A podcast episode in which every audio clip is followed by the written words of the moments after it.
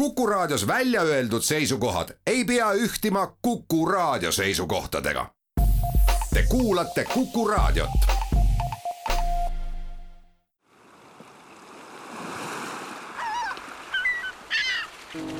meretund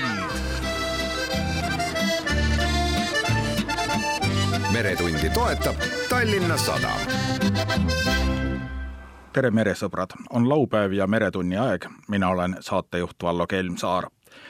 Tallinnas merele vaadates on praegu raske uskuda, et kuskil Eesti vetes on jääd olnud sedavõrd palju, et laevad seal jäämurdja abita hakkama pole saanud. tänases Meretunnis teeme juttu jääoludest Soome lahel ja räägime ka Meremuuseumi esinduspaadist Kärri, mis püüdis pilku meremessil esmalt aga väike ülevaade sündmusest, mis toimus teisipäeval Eesti Mereakadeemia saalis. kapten Uno Lauri Merekultuuri Sihtasutus oli sinna kokku kutsunud isikud, kelle kaasabil ja toetusel valmis kogu teose Eesti merenduse ajalugu esimene köide. see käsitleb merenduse olulisi teetähiseid alates Eesti randade asustamisest kuni Teise maailmasõja alguseni. viitseadmiral Tarmo Kõuts võrdles raamatu koostamist pika merereisiga, mille jooksul tuleb ette nii torme kui ka karisid. Eesti merelaevanduses oli kombeks, et kui laev tuleb pikalt reisilt, raskelt merereisilt kodusadamasse, peavad kõik laevaohvitserid kandma mundrit.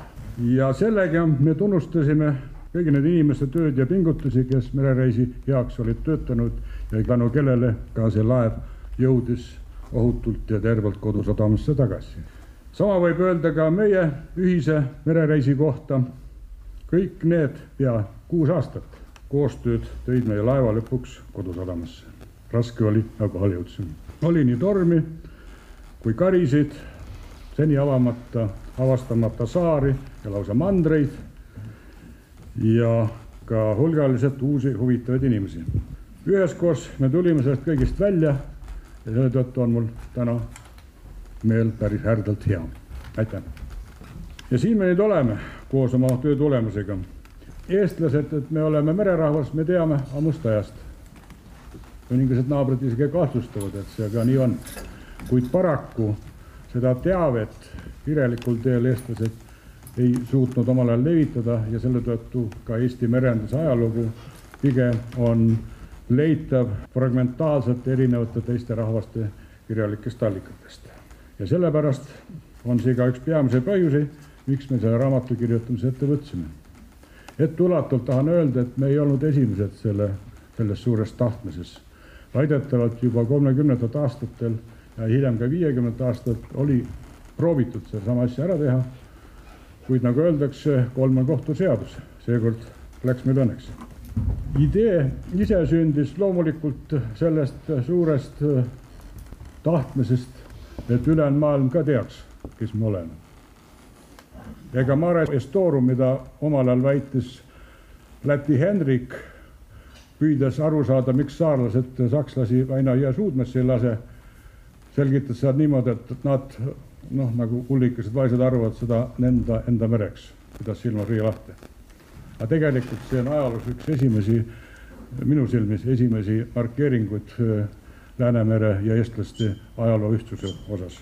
ja nii juhtus, et äh, hea kolleeg ja ka mõnes mõttes mentor, kapten Uno Laur, kapten Vello Mäss, hiljem kapten Jüri Lember ja sinna juurde siis paljud teised leidsime ühise platvormi selles arusaamises, et see raamat tuleb ära teha.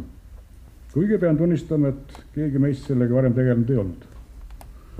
ja navigeerimine tundmatus vetes ilma GPS-ita tead ise, sekstan on hea riist, aga ainult siis, kui nähtavus on.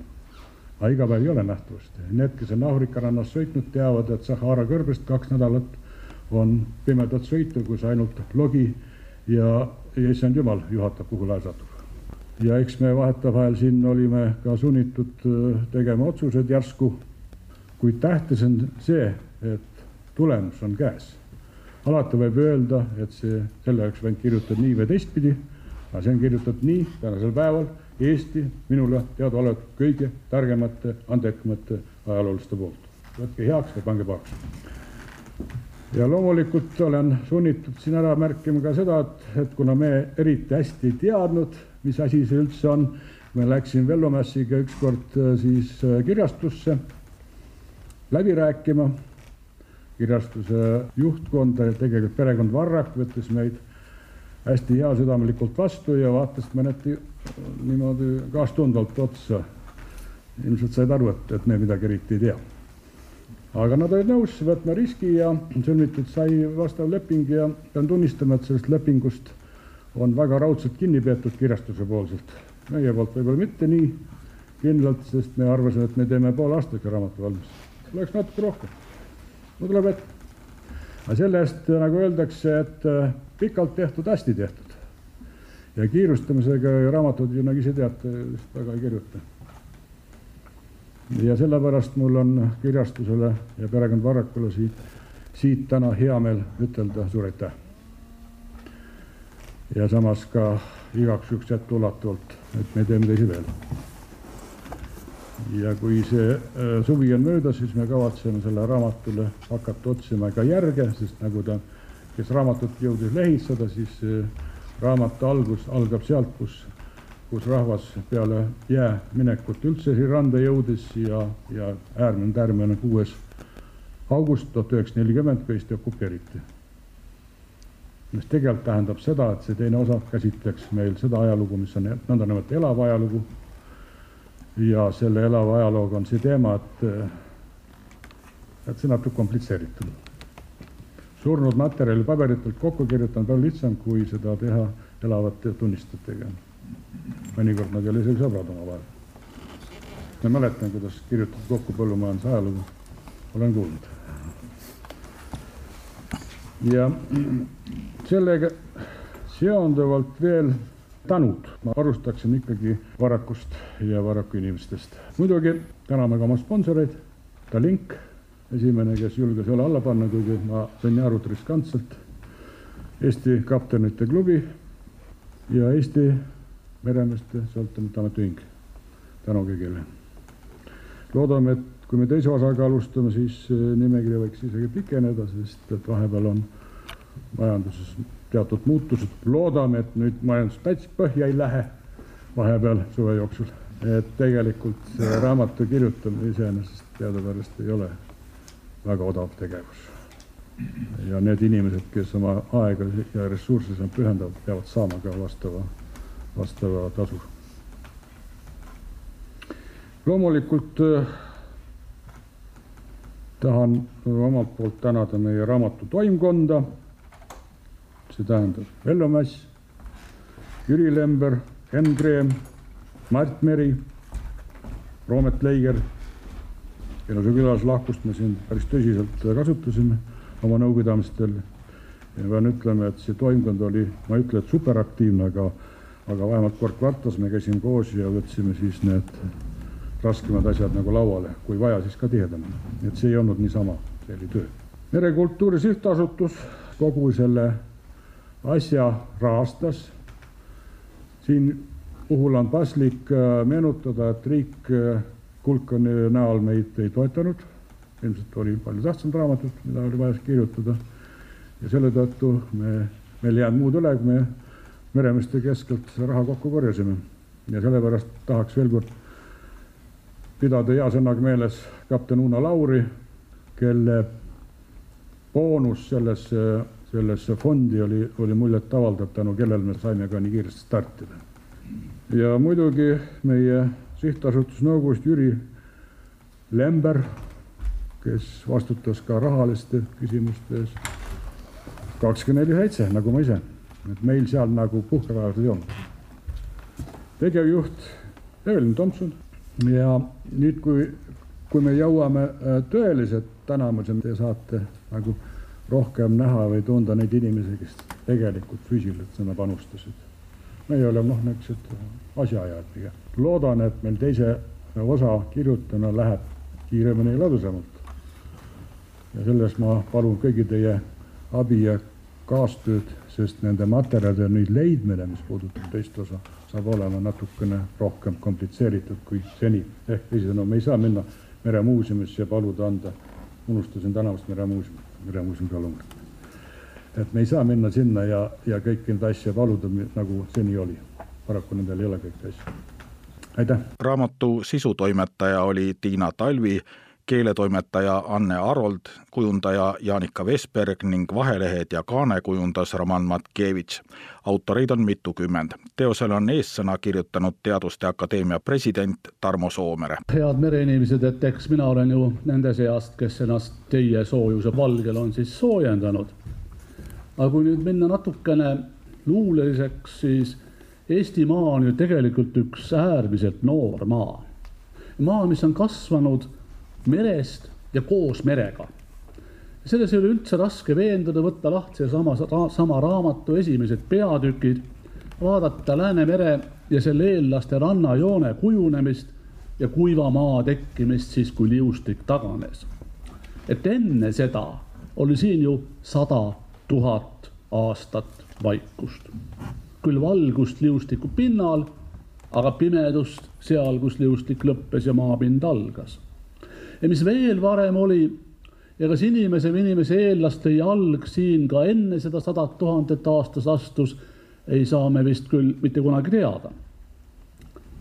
aga kui siis Eestimaa tekkima hakkas, siis on ju selge, et kooselu veega ja merega oli ju siinkandi rahva eksisteerimise vorm. et kui jää kadus, hakkas muidugi mets kasvama, tundra ehk püsis natuke aega aga steppe meil siin ju ei ole ega olnud ja luhad lirtsuvad ja teed tulevad endal rajada ja põllud tulevad endal põletada. nii et vesi oli iidseid sõnu parafraseerides mitte ainult tee, aga ka tõde ja elu. ja nii on vee ajalugu ja ka nende kolme aspekti ajalugu ühtlasi ju kirjutanud ka meie ajalugu. ajaloo kirjutamise kohta on ju osatud hästi palju sarkastilist öelda et Leopold von Ranke, saksa ajaloolane, keda peetakse ka moodsa ajalooteadlase isaks, arvas, et kõige õnnelikum aeg inimkonna jaoks on tühjad lehed ajalooraamatus. võib-olla sellepärast, et neil aegadel pole siis võitjaid, sest muidu kirjutavad ju võitjad ajalugu, nagu ka märgitud Henriku Liivimaa kroonika kohta ja paljude teiste allikate kohta. kuigi Lennart Meri on rõhutanud, et võitja tunnus on eelkõige suuremeelsus. ei ole see päris kõigile võitjatele omane. et nagu märkis Joachim Paipner, kaotanud poolte ajalugu kuulub kahjuks osalejate kahanevale ringile. kui meil on võimalus ja võimekus ja suutlikkus ajalugu kirjutada, siis juba see näitab, et meie oleme võitjate seas nende seas, kellel on ka tulevik. ja mitte lihtsalt tulevik, vaid äh, midagi rohkemat. kui me teeme oma ajaloo nähtavaks, on sellel äärmiselt suur ja kohati isegi tajumatu väärtus. Robert Heinlein oli palju teravam kui Johan Liiv, öeldes, et põlvkonnal, mis ignoreerib ajalugu, ei ole ei minevikku ega tulevikku. aga kuhugi ju ikkagi liigutakse, ka need rahvad, hõimud, riigid ja regioonid, kellel pole minevikku ega tulevikku. George Santayana on selle kohta kenasti öelnud, need, kes ei mäleta minevikku, on mõistetud seda kordama. meie ei pea enam minevikku kordama, me ei pea enam vanu vigu uuesti tegema, meil on ajalugu. ei pea jääma selle Karl Marxi kuulsa ütluse küüntesse või needusesse kinni, et ajalugu kordab ennast alguses äh, tragöödiana ja pärast farsina meil on alus, millest edasi minna, vältida tragöödiat ja mitte lasta ennast farssidesse või komöödiatesse kaasa tõmmata. osalt me nägime seda kaudselt, aga siiski pühapäeva hilisõhtul valimistulemuste selgumisel. miks ajaloost ei taheta kuigi palju õppida, on ju paljudele suur saladus. Noam Chomsky on ära seletanud, mis saladus see on ja ta ütles, on öelnud, et on väga hea põhjus, miks paljud ei taha ajalugu õppida, sest see lihtsalt õpetab liiga palju. see õpetab August Kailiti sõnadega, et ajalugu ei sünni lihtsalt ja võitlusid ei saa kergelt kätte. iga saavutus nõuab ohvreid. juba ajaloo kirjutamine, nagu kolleeg Tarmo vihjas, on saavutus, mis ei tule kergelt, mis nõuab ohvreid ja mitte ainult rahalist panustamist ja aja investeerimist, aga ka palju mõtlemist ja diplomaatiat, millele ta küll ainult vihjas, aga küllap ta pärastpoole ära räägib. ja sellest sünnib midagi palju rohkemat, kui on kas üks raamat või ka terve riiulitäis raamatuid. ajaloo kirjutamise kohta on paljud veel hästi sandisti öelnud, et kindlasti ei ole õigus Voltaire'il kes ütles, et ajalugu on vale, meil see on ühiselt kokku lepitud. seda meil karta ei ole. isegi selles merenduse ajaloo raamatus on tunda, kuidas eri autorid üksteisega polemiseerivad, mis on igati õige, sest ajalugu vaadates, ajalugu elavaks mõeldes tuleb ajaloolastel sageli ju veidi utreerituna pool põlenud riidelapikese alusel välja mõelda, kuidas töötas kudumismasin ja selleks on mitmeid võimalusi. ja enamasti selgub, et see masin töötas mitte lihtsalt väga targalt, vaid palju nutikamalt, kui ma oleks eales osanud arvata. ja küllap Francis Bacon nüüd siis juba nelisada aastat tagasi teadis, mis on õige, kui ta kirjutas, ma tsiteerin veidi muudetud järjekorras, et luule teeb vaimukaks, matemaatika teeb nutikaks, loodusfilosoofia põhjalikuks loogika ja kõnekunst osavaks väitlejaks, aga ajalooraamatud teevad targaks. ja selleski on palju sügavam sisu, kui me ehk oskaksime ühe aforismi alusel arvata. ega me ka ajaloo käsitlemisel näeme, kui erinevad on eri kultuuriruumid. et Hollywoodi filmides on ju minevik justkui nagu prügikast. ütlus, et see on ju ajalugu, you are history tähendab ju, et sinust tuligi lahti saada, see on praht. ja see on ilmselgelt ühe liiga noore kultuuriruumi liigne enesekindlus. ja sellise kultuuriruumi osa, kus äh, komposteerimist, mitte augustamist, vaid komposti tegemist ja asjade taaskasutust ei tunta, ei ole kunagi tuntud ja kus seetõttu jäätmete liigiti kogu, kogumine on justkui midagi taevaliku ilmutuse sarnast tegelikult on asjad teisiti. kui midagi meie elust liigub ajalukku, siis muutub see kultuuri osaks. kas me seda tahame või ei taha? see käib isegi poliitika kohta. Marju Lauristin sõnadega, kui poliitika muutub ajalooks, siis ta muutub ühtlasi kultuuriks. ja väga hea kultuuriteadlasena tunneb ta ilmselt sedalaadi universaalseid seadusi väga täpselt võime ju arvata, et oleme ajaloo isandad. et vaatame tagasi ja otsustame, mis oli õige ja mis mitte. see on enam-vähem sama rumal kui inimese pidamine looduse krooniks. kui tahame teada, mis on looduse kroon, vaatame tõtt krokodilliga, küsime, mis tema meist arvab. ta võib arvata meist mitut moodi, sõltuvalt sellest, kas on hommik, lõuna või õhtu, me oleme kas talle hommikuine, lõunasöök või õhtusöök ja mereinimesed teavad väga hästi, et merega tuleb kohaneda, mitte võidelda. ja sama lugu on ajalooga, Martin Luther Kingi sõnadega. meie ei ole ajaloo loojad, ajalugu on meie looja. suur tänu tegijatele.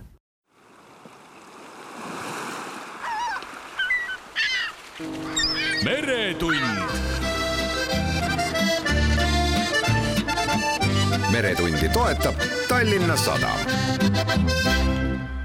jätkame Meretundi. jäämurdja Botnica on juba üle kahe nädala aidanud laevu Sillamäe lähistel. kapten Indrek Kivi rääkis, et esimene laev vajas nende abi varsti pärast seda, kui Botnica Sillamäele oli jõudnud. sadamast äh, sõitsime välja esimesel äh, märtsil, et ei osanud sel aastal enam oodatagi seda jäämurde algust, aga aga sellist veebruari lõpust vaatasime nagu jääkaartide pealt, et äh, midagi võib kujunema hakata ja esimesel märtsil siis helistatigi Transpordiametist, et äh, laevad siia Sillamäele sisse tulles juba on raskustes, et äh, tuleksime siia vajadusel appi. jõudsime teise märtsi hommikul siia ja, ja see jääväli ei olnud suur tol päeval veel, et siin kuskil sadamast kolm miili ehk umbes nii ja, ja sõitsime sisse ja nägime, et äh, meil kõigepealt siis maha üks äh, neli-viis sõlme kiirust võttis maha, et noh, siis oli selge, et see, see jää siin on nagu pressi all ja selline raske, et, et võib küll olla laevadel siin äh, raskusi ja, ja tuligi kolmandal märtsil siis kaubalaev ja jäigi meie nina all jäässe kinni ja siis võtsime tema ülesse ja, ja aitasime sisse nii et olime väga õigel ajal kohal. Just nagu ennetavalt sellele kriitilisemale olukorrale. ja just jah, ja ja ma ütlengi, et sel päeval, kui me kohale tulime, siis me arvasime noh, et äh, selline paar päeva ehk mõni päev on siin vaja meil olla ja saame nagu äh, Sillamäelt uuesti ära sõita, aga siis ta hakkas iga päevaga hullemaks minema, et olid sellised ju tugevad loode- ja põhjatuuled ja muudkui kasvatas seda jäävälja siin et tõi seda põhja poolt juurde ja, ja kuna oli külm, siis külmus paaki ka, et noh, et viimased need konvoid, keda me siin nüüd aitasime, olid äh, kolmekümnemiilised eskordid juba. kasvas mõne päevaga väga suureks see väli. sa mainisid, et äh, konvoid olete aidanud, ehk siis teil on korraga sabas rohkem kui üks laev? oi noh, selles suhtes ei ole, ikka ükshaaval oleme saanud, see liiklus ei ole siin nii suur, aga lihtsalt noh, sellised ühesed eskordid siis ütleme nii. palju neid laevu kokku on olnud, mida te olete abistanud?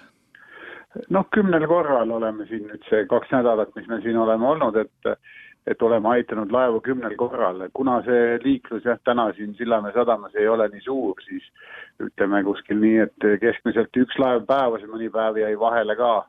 aga, aga need laevad noh, reaalselt isegi meie taga, kuna see väli oli sellise pressi all, siis isegi meie tagaosa laevad jäid meie kanalis kinni, et pressis selle kanali kohe täis ja nii et saime neid jää seest välja sõita, et see ei ole nagu mõistatamise pealt, et äkki nad oleks ise ka läbi tulnud, nad isegi meie taga kanalis jäid kinni. nüüd praeguseks on olud juba muutunud, kaks nädalat on nendest päevadest möödas, kui te sinna kohale jõudsite? jah, see juhtuski täpselt kolmeteistkümnendal märtsil oli selline pöördepunkt, et et oligi, aitasime välja üks laev siis öösel kaheteistkümnes vastu kolmeteistkümnendat märtsi ja siis teine laev kolmeteistkümnenda hommikul Sillamäelt välja. aitasime nemad välja sinna, sinna jääserva peale ja jäime ootama, et neljateistkümnendal tuli üks laev väljast sisse. aga kolmeteistkümnenda öösel, siis kui me seal jää sees seisime, oli väga tugevad äh, lõunatuuled puhusid, et seal kakskümmend meetrit ja pluss, me nägime puhanguid seal kakskümmend neli, kakskümmend viis, et väga tugev lõunatuul ja ta pani kõik selle välja liikuma, nii et meie koos selle jääväljaga triivisime põhja poole sellise miili ja pooleteist, ütleme, kiirusega, et pidime vahepeal isegi korrigeerima oma positsiooni, muidu oleksime Venemaa vetesse triivinud, et siis võis aimata, et hommikuks on, on vesi lahti siin Eesti rannikul ja oligi, et nii et põhimõtteliselt me sõitsime selle laevaga koos küll siia Sillamäe poole, aga reaalset abi ta enam ei vajanudki, et oli nii jälle kergeks teinud selle olukorra siin. ja noh, tänase päevani on siin siis praegu, kuna ei ole põhja keeranud tuult, siis on lahti siin vesi ja põhimõtteliselt saab enam-vähem vee sees Sillamäeni välja. nii et kui Botnica sillast vaadata, siis on vaba vesi igal pool, et jääd ei ole näha? ei, ta on, need niisugused tükikesed ulvivad siin jälle, eile puhus selline loode ja läänetuul, et ajas uuesti neid jäätükke siia Sillamäe sadama ette kokku, aga noh, ikka ikka suur mootorlaev läheb temast läbi, et siin on lihtsalt sellised äh, noh, hulpivad tükikesed, et, äh, et me ikka näeme nagu jääd siin küll jah, aga, aga sellist jääd, kust nagu meie abi täna vaja oleks, me ei näe, noh, eks ta jääväli on siin natukene, natukene põhja pool on see reaalne jääväli olemas, et kui need tugevad lõunatuuled edasi puhuvad, siis läheb soomlastel jälle jää murdmiseks seal. Ja kui ta põhja keerab, siis meil. Et täna ei ole meie abi jah vaja, aga eks me seda monitoorime seda olukorda siin veel mõne aja, et äh, täna just rääkisin seal Transpordiametiga ja et, et vaatab siis äh, järgmise nädala alguses, kuidas see olukord siin on, et pole ka ammu saanud ilusat äh, satelliidipilti, et kus kohas see jääväli on, nüüd täna on siin ilus äh, just selge päev, et äkki saab mõne satelliidifoto, et siis oskab hinnata, et kus see jääri täpselt on täna. ehk siis pilvisus häirib nende satelliidipiltide saamist? jaa, viimased päevad ei ole saanud jah, korralikku pilti üldse, et nüüd äh, me ise nägime äh, oma silmaga, et ta puhus selle lahti siit Eesti ranniku alt, aga satelliidifotosid ei olegi saanud nüüd viimased neli päeva korralikku kui ma vaatasin jääkaarti, siis jääkaartide järgi seal Peterburi all on ikkagi näitab veel, et päris laial alal tihe jää on märgitud. ja, ja Peterburi nüüd peaks Soome ranniku all ju ka veel olema, et noh, eks need ütleme, ilma satelliitipildideta tehtud need jääkaardid on enam-vähem sellised ennustuse pealt ikka, et äkki me saame täna korraliku satelliidipildi, siis oskab paremini hinnata sa mainisid ka seda, et võrreldes varasemate aastatega on laevaliiklus seal Sillamaa sadamas väiksem.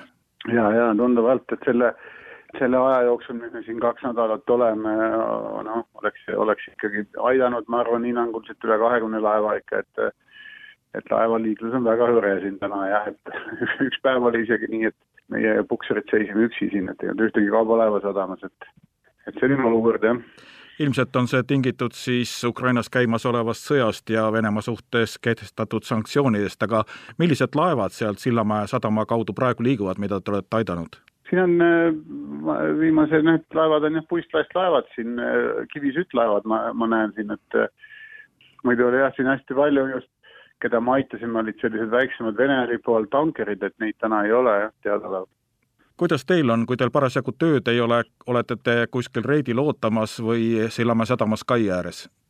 noh, oleneb olukorrast jah, et äh, niikaua, kui see korralikum jää oli siin, et siis me seisime seal ikkagi jää sees, olime kohe nagu rohkem valmis, aga kuna siin praegu on vesi, siis noh, vee sees meil hea seista ei ole, et jäämurdjas tiihe on ikka see jää, et meil on jää sees hea, vee sees ta sedasi lõngerdab ja, ja rullib, eks ole, et et, et täna me oleme jah kai ääres, et Sillamäe sadam pakub meile lahkelt siin seisukaid kogu aeg, et kui meil soovi on ja, ja vajadust otse tööd teha pole, siis oleme kai ääres siin valmisolekus ja saame kai ääres olla.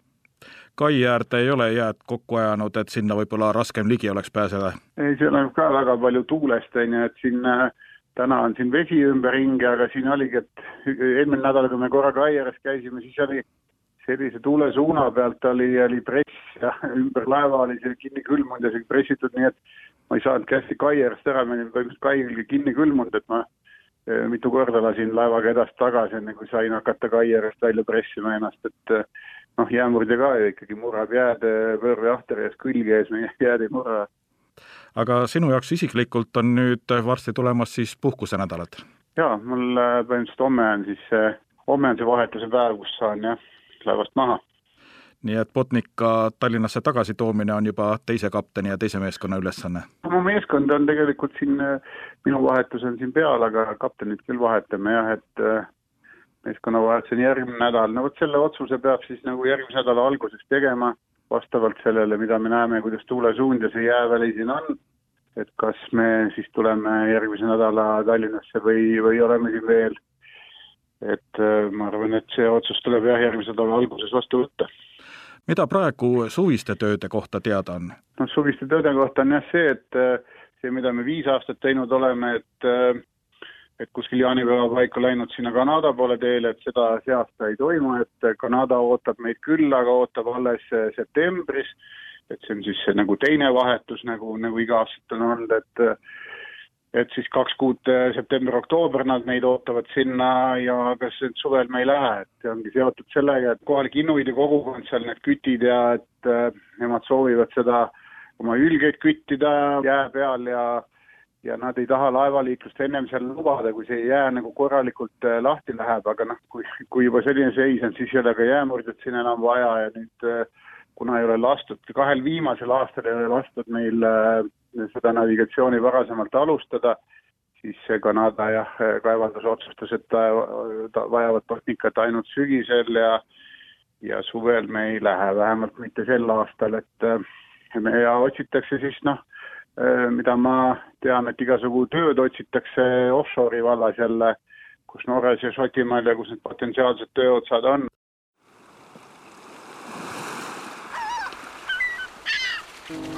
meretund. Meretundi toetab Tallinna Sadam jätkame Meretundi. eelmisel nädalal toimunud meremess oli huviliste rohke ja laupäeval kulges Pirita messikeskuse juurde pääsemist ootavate autode järjekord mitmesaja meetri kaugusele. kui seega veesõidukite arvu kasvus kajastub, on sadamakohtadest peagi suur puudus arvukate uute aluste seas sai messil uudistada ka Meremuuseumi paati Kärri, mis aastaid kestnud remondi järel mullu sügisel taas vette lasti. rääkisin muuseumi juhi Urmas Treeseniga nii paadi tulevasest kasutamisest kui ka ajaloost. meremuuseum ei soetanud seda paati päris algallikast, et see paat oli juba rännanud Eestisse kahe tuhande seitsmendal aastal ja olnud enne seda kahe omaniku käes ja temaga oli tehtud esimesi rekonstrueerimistöid Muhu saarel. Nõmmkülas olevas väikeses siis paadiehitus või paaditööstuses ja meie kätte jõudis Carri siis esimest korda, kui mina teda nägin, oli, oli siis kaks tuhat kolmteist. ja kahe tuhande kolmeteistkümnendal aastal ta siia ka meile tuli, sai ostetud. Ja mis mind selle paadi juures võlus, kiletatud olekus oli ta juba siis, ta ei olnud enam vees. Ja võlus see, et seal oli niivõrd palju algupäraseid nüansse, on nad siis hinged, on nad siis ukse sulused, on nad siis selles vöörikajuti interjööris olevad lambid ja kreenimõõtja ja, ja pisikene kell koos baromeetriga, isegi, isegi niisugune väike seitsmekümnendate aastate televiisor veel, nii et, et see, see detailide rohkus tekitas mul niisuguse tunde, et seda tasuks säilitada ja sellega edasi tegeleda, aga noh.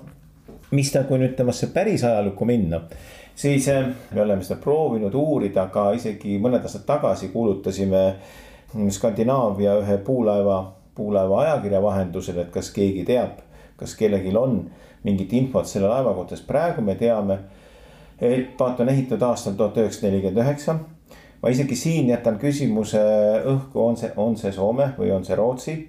aga nüüd tuleks minna natukene veel sinna ajaloo poole tagasi mitmed selle paadi siis konstruktsioonilised detailid või õigemini selle põhiline arhitektuuriline osa, kuidas tal on ahter, ahter on madalam ja siis toimub niisugune sujuv üles, üleminek siis kõrgendatud vöörile.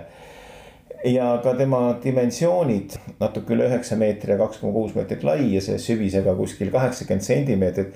ja just tema vöörikajut ja ahtrikajut ja sellised rooliruumis olevad aknad, mis on juba natukene kergelt ovaalsed ja ei ole nii kandilised, et see viitab eh, väga palju Rootsi ühele kõige kuulsamale paadikonstruktorile Carl Gustav Petersonile. ja just tema viimaste aastate töödele, mida ta tegi siis eh, vahetult peale teist maailmasõda. kui nüüd veelgi tahapoole minna, siis Carl Gustav Peterson on üks Rootsi kuulsamaid paadikonstruktoreid, kes siis oli sündinud aastal tuhat kaheksasada seitsekümmend kolm, tuhat kaheksasada seitsekümmend kuus. Tuhat üheksasada viiskümmend kolm ta suri ja tema oma eluajal suutis genereerida kuskil üle tuhande paadijoonise. Nendest kuskil mõnisada on alles ka Rootsi meremuuseumi arhiivis koos fotodega me ei ole leidnud sealt, ma olen ka selle ise alles hiljuti seal käinud, ei ole leidnud üks-ühele, aga oleme leidnud päris, päris ligilähedase tüübi. mis, mis võis olla selle paadi aluseks, aga sealt on ka veel selline küsimärk, et. Petersoni jooniste järgi tehti omal ajal ka palju koopiaid. Petersoni jooniste järgi ehitasid ka mõned paaditööstused laevu ka Soomes. nii et, et me ei saa seda kinnitada praegu, ei saa kolme tirka verd anda, et see tingimata on Carl Gustav Petersoni jooniste järgi tehtud, aga väga palju sellele ka viitab. ja nüüd äh, me oleme uurinud seda, et enne seda, enne kui see paat jõudis Eestisse kaks tuhat seitse, selle paadi omanikuks oli mitmed, võib-olla kümned aastad oli Rootsi ooperiteatri sepp Björn Wahlgren kahe tuhande kolmeteistkümnendal aastal ma temaga võtsin ühendust, ta meilide, meilile isegi vastas, et jah, tõesti kena näha, et, et niisugune paat on elus ja alles. Et ja siis lubas saata fotosid, aga need fotod on siiamaani tulemata. aga nüüd, miks ta nüüd praegu siis on välja toodud, et juba kaks tuhat kolmteist ostetud ja neliteist ja viisteist ja kuusteist oli ta ka Lennusadamas ja oli ka suviti kasutuses aga siis tõesti ilmnesid seda, et meil ei olnud üks, asi, sel laeval ei olnud korralikku siis kogu laeva katvat eh, sellist tentkatet. Mõnikord sai ta vihmaga vett, siis ta vettis, kuna mahak on korpusele kaetud klaasplastikuga, see sinna vahele tekkis niiskus, see hakkas mullitama. ja kuskil kaks tuhat seitseteist eh, ta enam siis vett ei saanud siis sai tööle võetud paadi ehitaja ja restaureerija Koppelmann ja siis tegelikult järgneski see periood, et kui mina arvasin, et alguses, et noh, et võib-olla aastakene või, või kolmveerand aastat, et siis oma pühas lihtsameelsuses, siis saab paadi jälle vette. No nii ei läinud, põhimõtteliselt sai ta võetud algosakesteks lahti ja uuesti üles ehitatud. ja uue sisu, uue varustusega, uue masinaga, uue mootoriga, nii et, et kõik navigatsioonisüsteem uus, elektrisüsteem uus kõik, mida iganes õnnestub panna. Ja lisaks tuli ka veel siis vööri, vööritraster, mis kuna ta on suhteliselt pikk, siis tema kai äärde manööverdamise puhul andis see olulist efekti. ma mäletan alguses, kui ta ka oli ühe Naissaare käigu ajal, siis oli paras peavalu taga kai äärde saada. nüüd, kui me siin lasime ta nüüd esimest korda peale põhilisi töid, lasime ta vette uuesti eelmise aasta augustis merepäevadeks. siis juba mõned käigud näitasid, et sellest vööri, vöörivindist või vööritrasterist oli kasu, kui palju, aga selgus veel see asi, et tegelikult on sinna vaja ballasti panna, sest noh, natuke töötas ta tühja, nii et, et selles mõttes. aga noh, see on kõik juba katsetamiste ja praktika küsimus, aga nii et, et tahaks väga öelda, et see on Rootsi kuulsa paadi konstruktori töö, aga ma seda kaljukindlalt väita ei saa, aga välised äh, kuju ja sisedetailid sellele ka väga paljuski viitavad. kas me võime öelda seda, et ta on ainueksemplar ja mingeid sõsaraluseid tal pole kunagi olnud? temal otseselt mitte, sest äh, muidugi see, kui vaadatagi natuke seda Petersoni paatide loetelu, mida. no need on tõesti sadu, mida, mida nende jooniste järgi, alles on neid muidugi väga vähesed. kui nüüd vaadata, kus kusagil midagi müüakse nende selliste analoogsete Petersoni paatide siis nimekirjas, siis Soomes on neid kuskil kaksteist, kolmteist, Rootsis mõnevõrra rohkem, natuke on, natuke on alles Hollandis ja Saksamaal ja ongi kõik. ja nad on kõik, kipuvad väga erinevad olema, samas ma tean, et ju Eestis on, on minu arust on toodud Rootsist veel üks Petersoni poolt disainitud ja konstrueeritud paat, nii et, et eh, eks need ole, aga nad on ikkagi haruldased. Kärri on nüüd korda tehtud, meremessil oli ta väljas, sai teda uudistada ka ja püüdis ta seal pilku küll. punane ilus lakitud paat plastpaatide ja muude materjalide hulgas seal. omal ajal võib arvata, et ta ei olnud niisugune laiatarbepaat, vaid ta oli mm. ikkagi luksuskaup, seal on mitu magamiskohta sees, ta on suhteliselt suur. see läheb sinna ajajärku, kus olid oli kohe selline nimetus nagu matkapaat või turismipaat või mida iganes ja. ja eks neid oli teisigi, mida, millega oli siis pikki Rootsi rannikut võimalik eh, siis nende saarte vahel ringi kruiisida. Eh, nii palju võib öelda, et eh, see, mm, selle paadi korpuse konstruktsioon on väga merekindel, ma ise olen seda tunda saanud siin ühel Naissaare käigul. samamoodi oli see kaks tuhat neliteist vist, nii et, et ainuke, mis ta võib olla, et ei ole võib-olla külglaine suhtes väga noh, ütleme nii, et, et külglaine paneb ta lengerdama päris, aga ristilainet sõita väga merekindel. Peterson ise oli niisugune, vaatamata sellele oma suurele konstruktori tööle ja oli, oli ka natukene niisugune boheemlaslik ja lugesin hiljaaegu just Petersoni kohta seda, et tuhande üheksasaja kahekümne viiendal aastal ehitas ta iseendale natuke väiksema kui meie Carry on paadi, mille hakkas kandma nimetust Viking X. ja selle X paadiga tegi ta tuhande üheksasaja kahekümne viiendal aastal tuuri ümber Skandinaavia. et alustas Stockholmist ja lõpetas Stockholmis ainult selle vahega, et siis kusagil Narvikist toodi see paat Viking X, toodi siis raudteega Umeasse aga mis teeb selle reisi veel omapärast, ta tegi seda praktiliselt üksinda, võttis aeg-ajalt kedagi peale. aga tema ainukeseks reisiseltsiliseks, kes kogu selle aeg tema kaasas oli, oli üks, üks ahv, pärdik. nii et, et siis eh, Peterson tiibuga ja siis ahv mööda tema Viking X tekki ringi karglemas eh, oli siis oma, omaaegne niisugune vaatamisväärsusega, samas ta sellega tekitas endale jällegi väga palju uusi kliente, kes ikkagi tahtsid tema poolt teostatud paadijooniseid saada. sellega ta oli üks väikene nihuke nurgakivi, millest moodustus tema kui legendaarne Rootsi paadikonstruktor. aga tema paadid ei olnud vist ikkagi nende nii-öelda odavamate killast? noh, pigem ei ja noh, samas on öeldud ka, et, et ega ta tegi ju kõike, ta isegi öeldud küll, et enamuses ta tema armastus olid mootoripaadid. aga on ta siiski ka teinud mõningaid jahte, kuigi väga vähe ja samas eh, on, on ta ka teinud näiteks niisuguseid natuke suuremaid nagu lootsivaatreid, nii et, et vähemasti teinud jooniseid, nii et, et väga laia ampluaaga. aga pigem oli tema armastus ikkagi tõesti see korralik puupaat Hondurase mahakond, nagu ta nendes mitmetes kirjeldustes on öelnud, et, et sellest, et jah, aga nad ei, ei, ei olnud tõesti niisuguse odavama klassi paadid.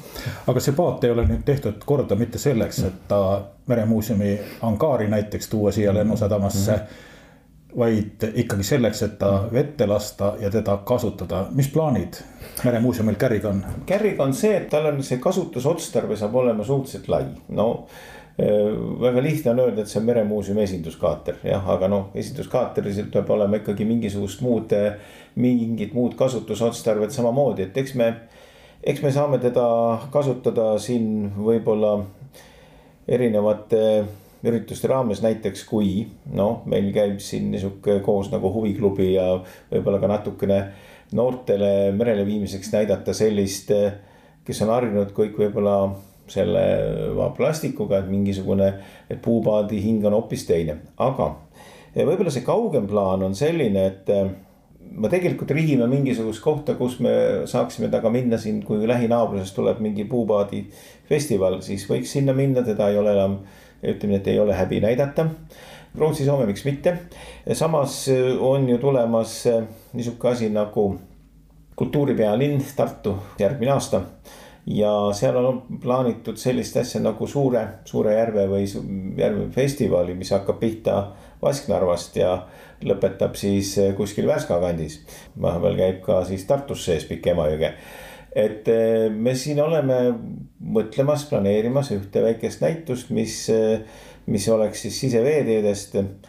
ja me plaaniksime siis järgmise aasta suvel Kärri viia ka korraks sisevetele, et vaadata, kuidas ta seal toimetab ja samamoodi eh, siis erinevates sadamates üles panna ka näitust siis siseveetees ja miks mitte ka minna taga Kotka merepäevadele, mis on, mis on tulemas kohe siin nüüd see aasta peale meie merepäevi ja muidugi Naissaare käimised. muuseumil on veel üks äh, vana puust jaht, Vanemuiset pean silmas.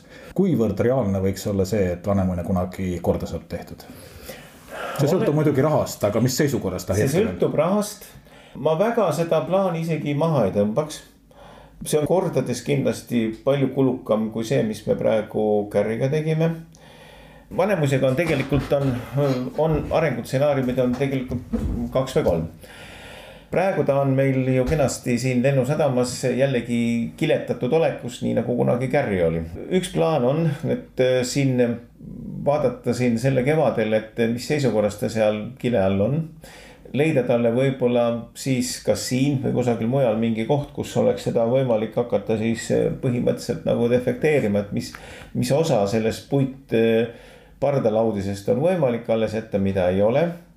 Eh, see peaks olema siis selline koht, kus, kus on tal võimalik eh, ka kiil uuesti alla tõsta, siis hakata vaatama, kuidas, sest Vanemuise sees on ka ju teraskonstruktsioon.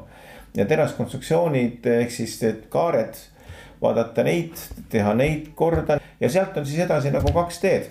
me plaanime ju siia Patarei ja siis Lennusadama vahele nihukest suuremat laevahalli, mis siis eh, võib-olla teostub kuskil kaks tuhat kakskümmend kuus, kakskümmend seitse. kuhu, kuhu see oma koha leiab siis.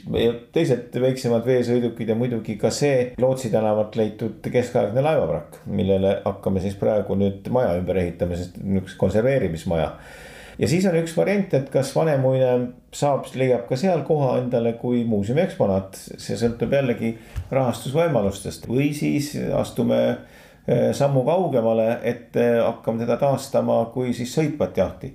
seal on joonised olemas, mille järgi teda on võimalik juppideni taastada.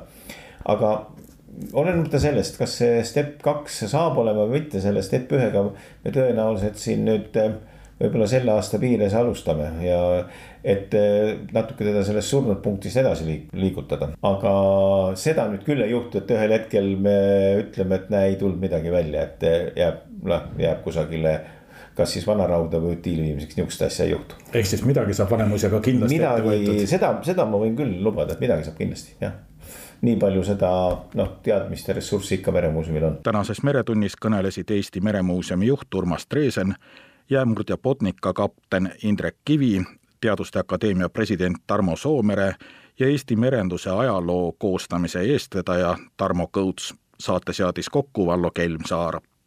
Järgmine Meretund on eetris nagu ikka nädala pärast, kuulmiseni.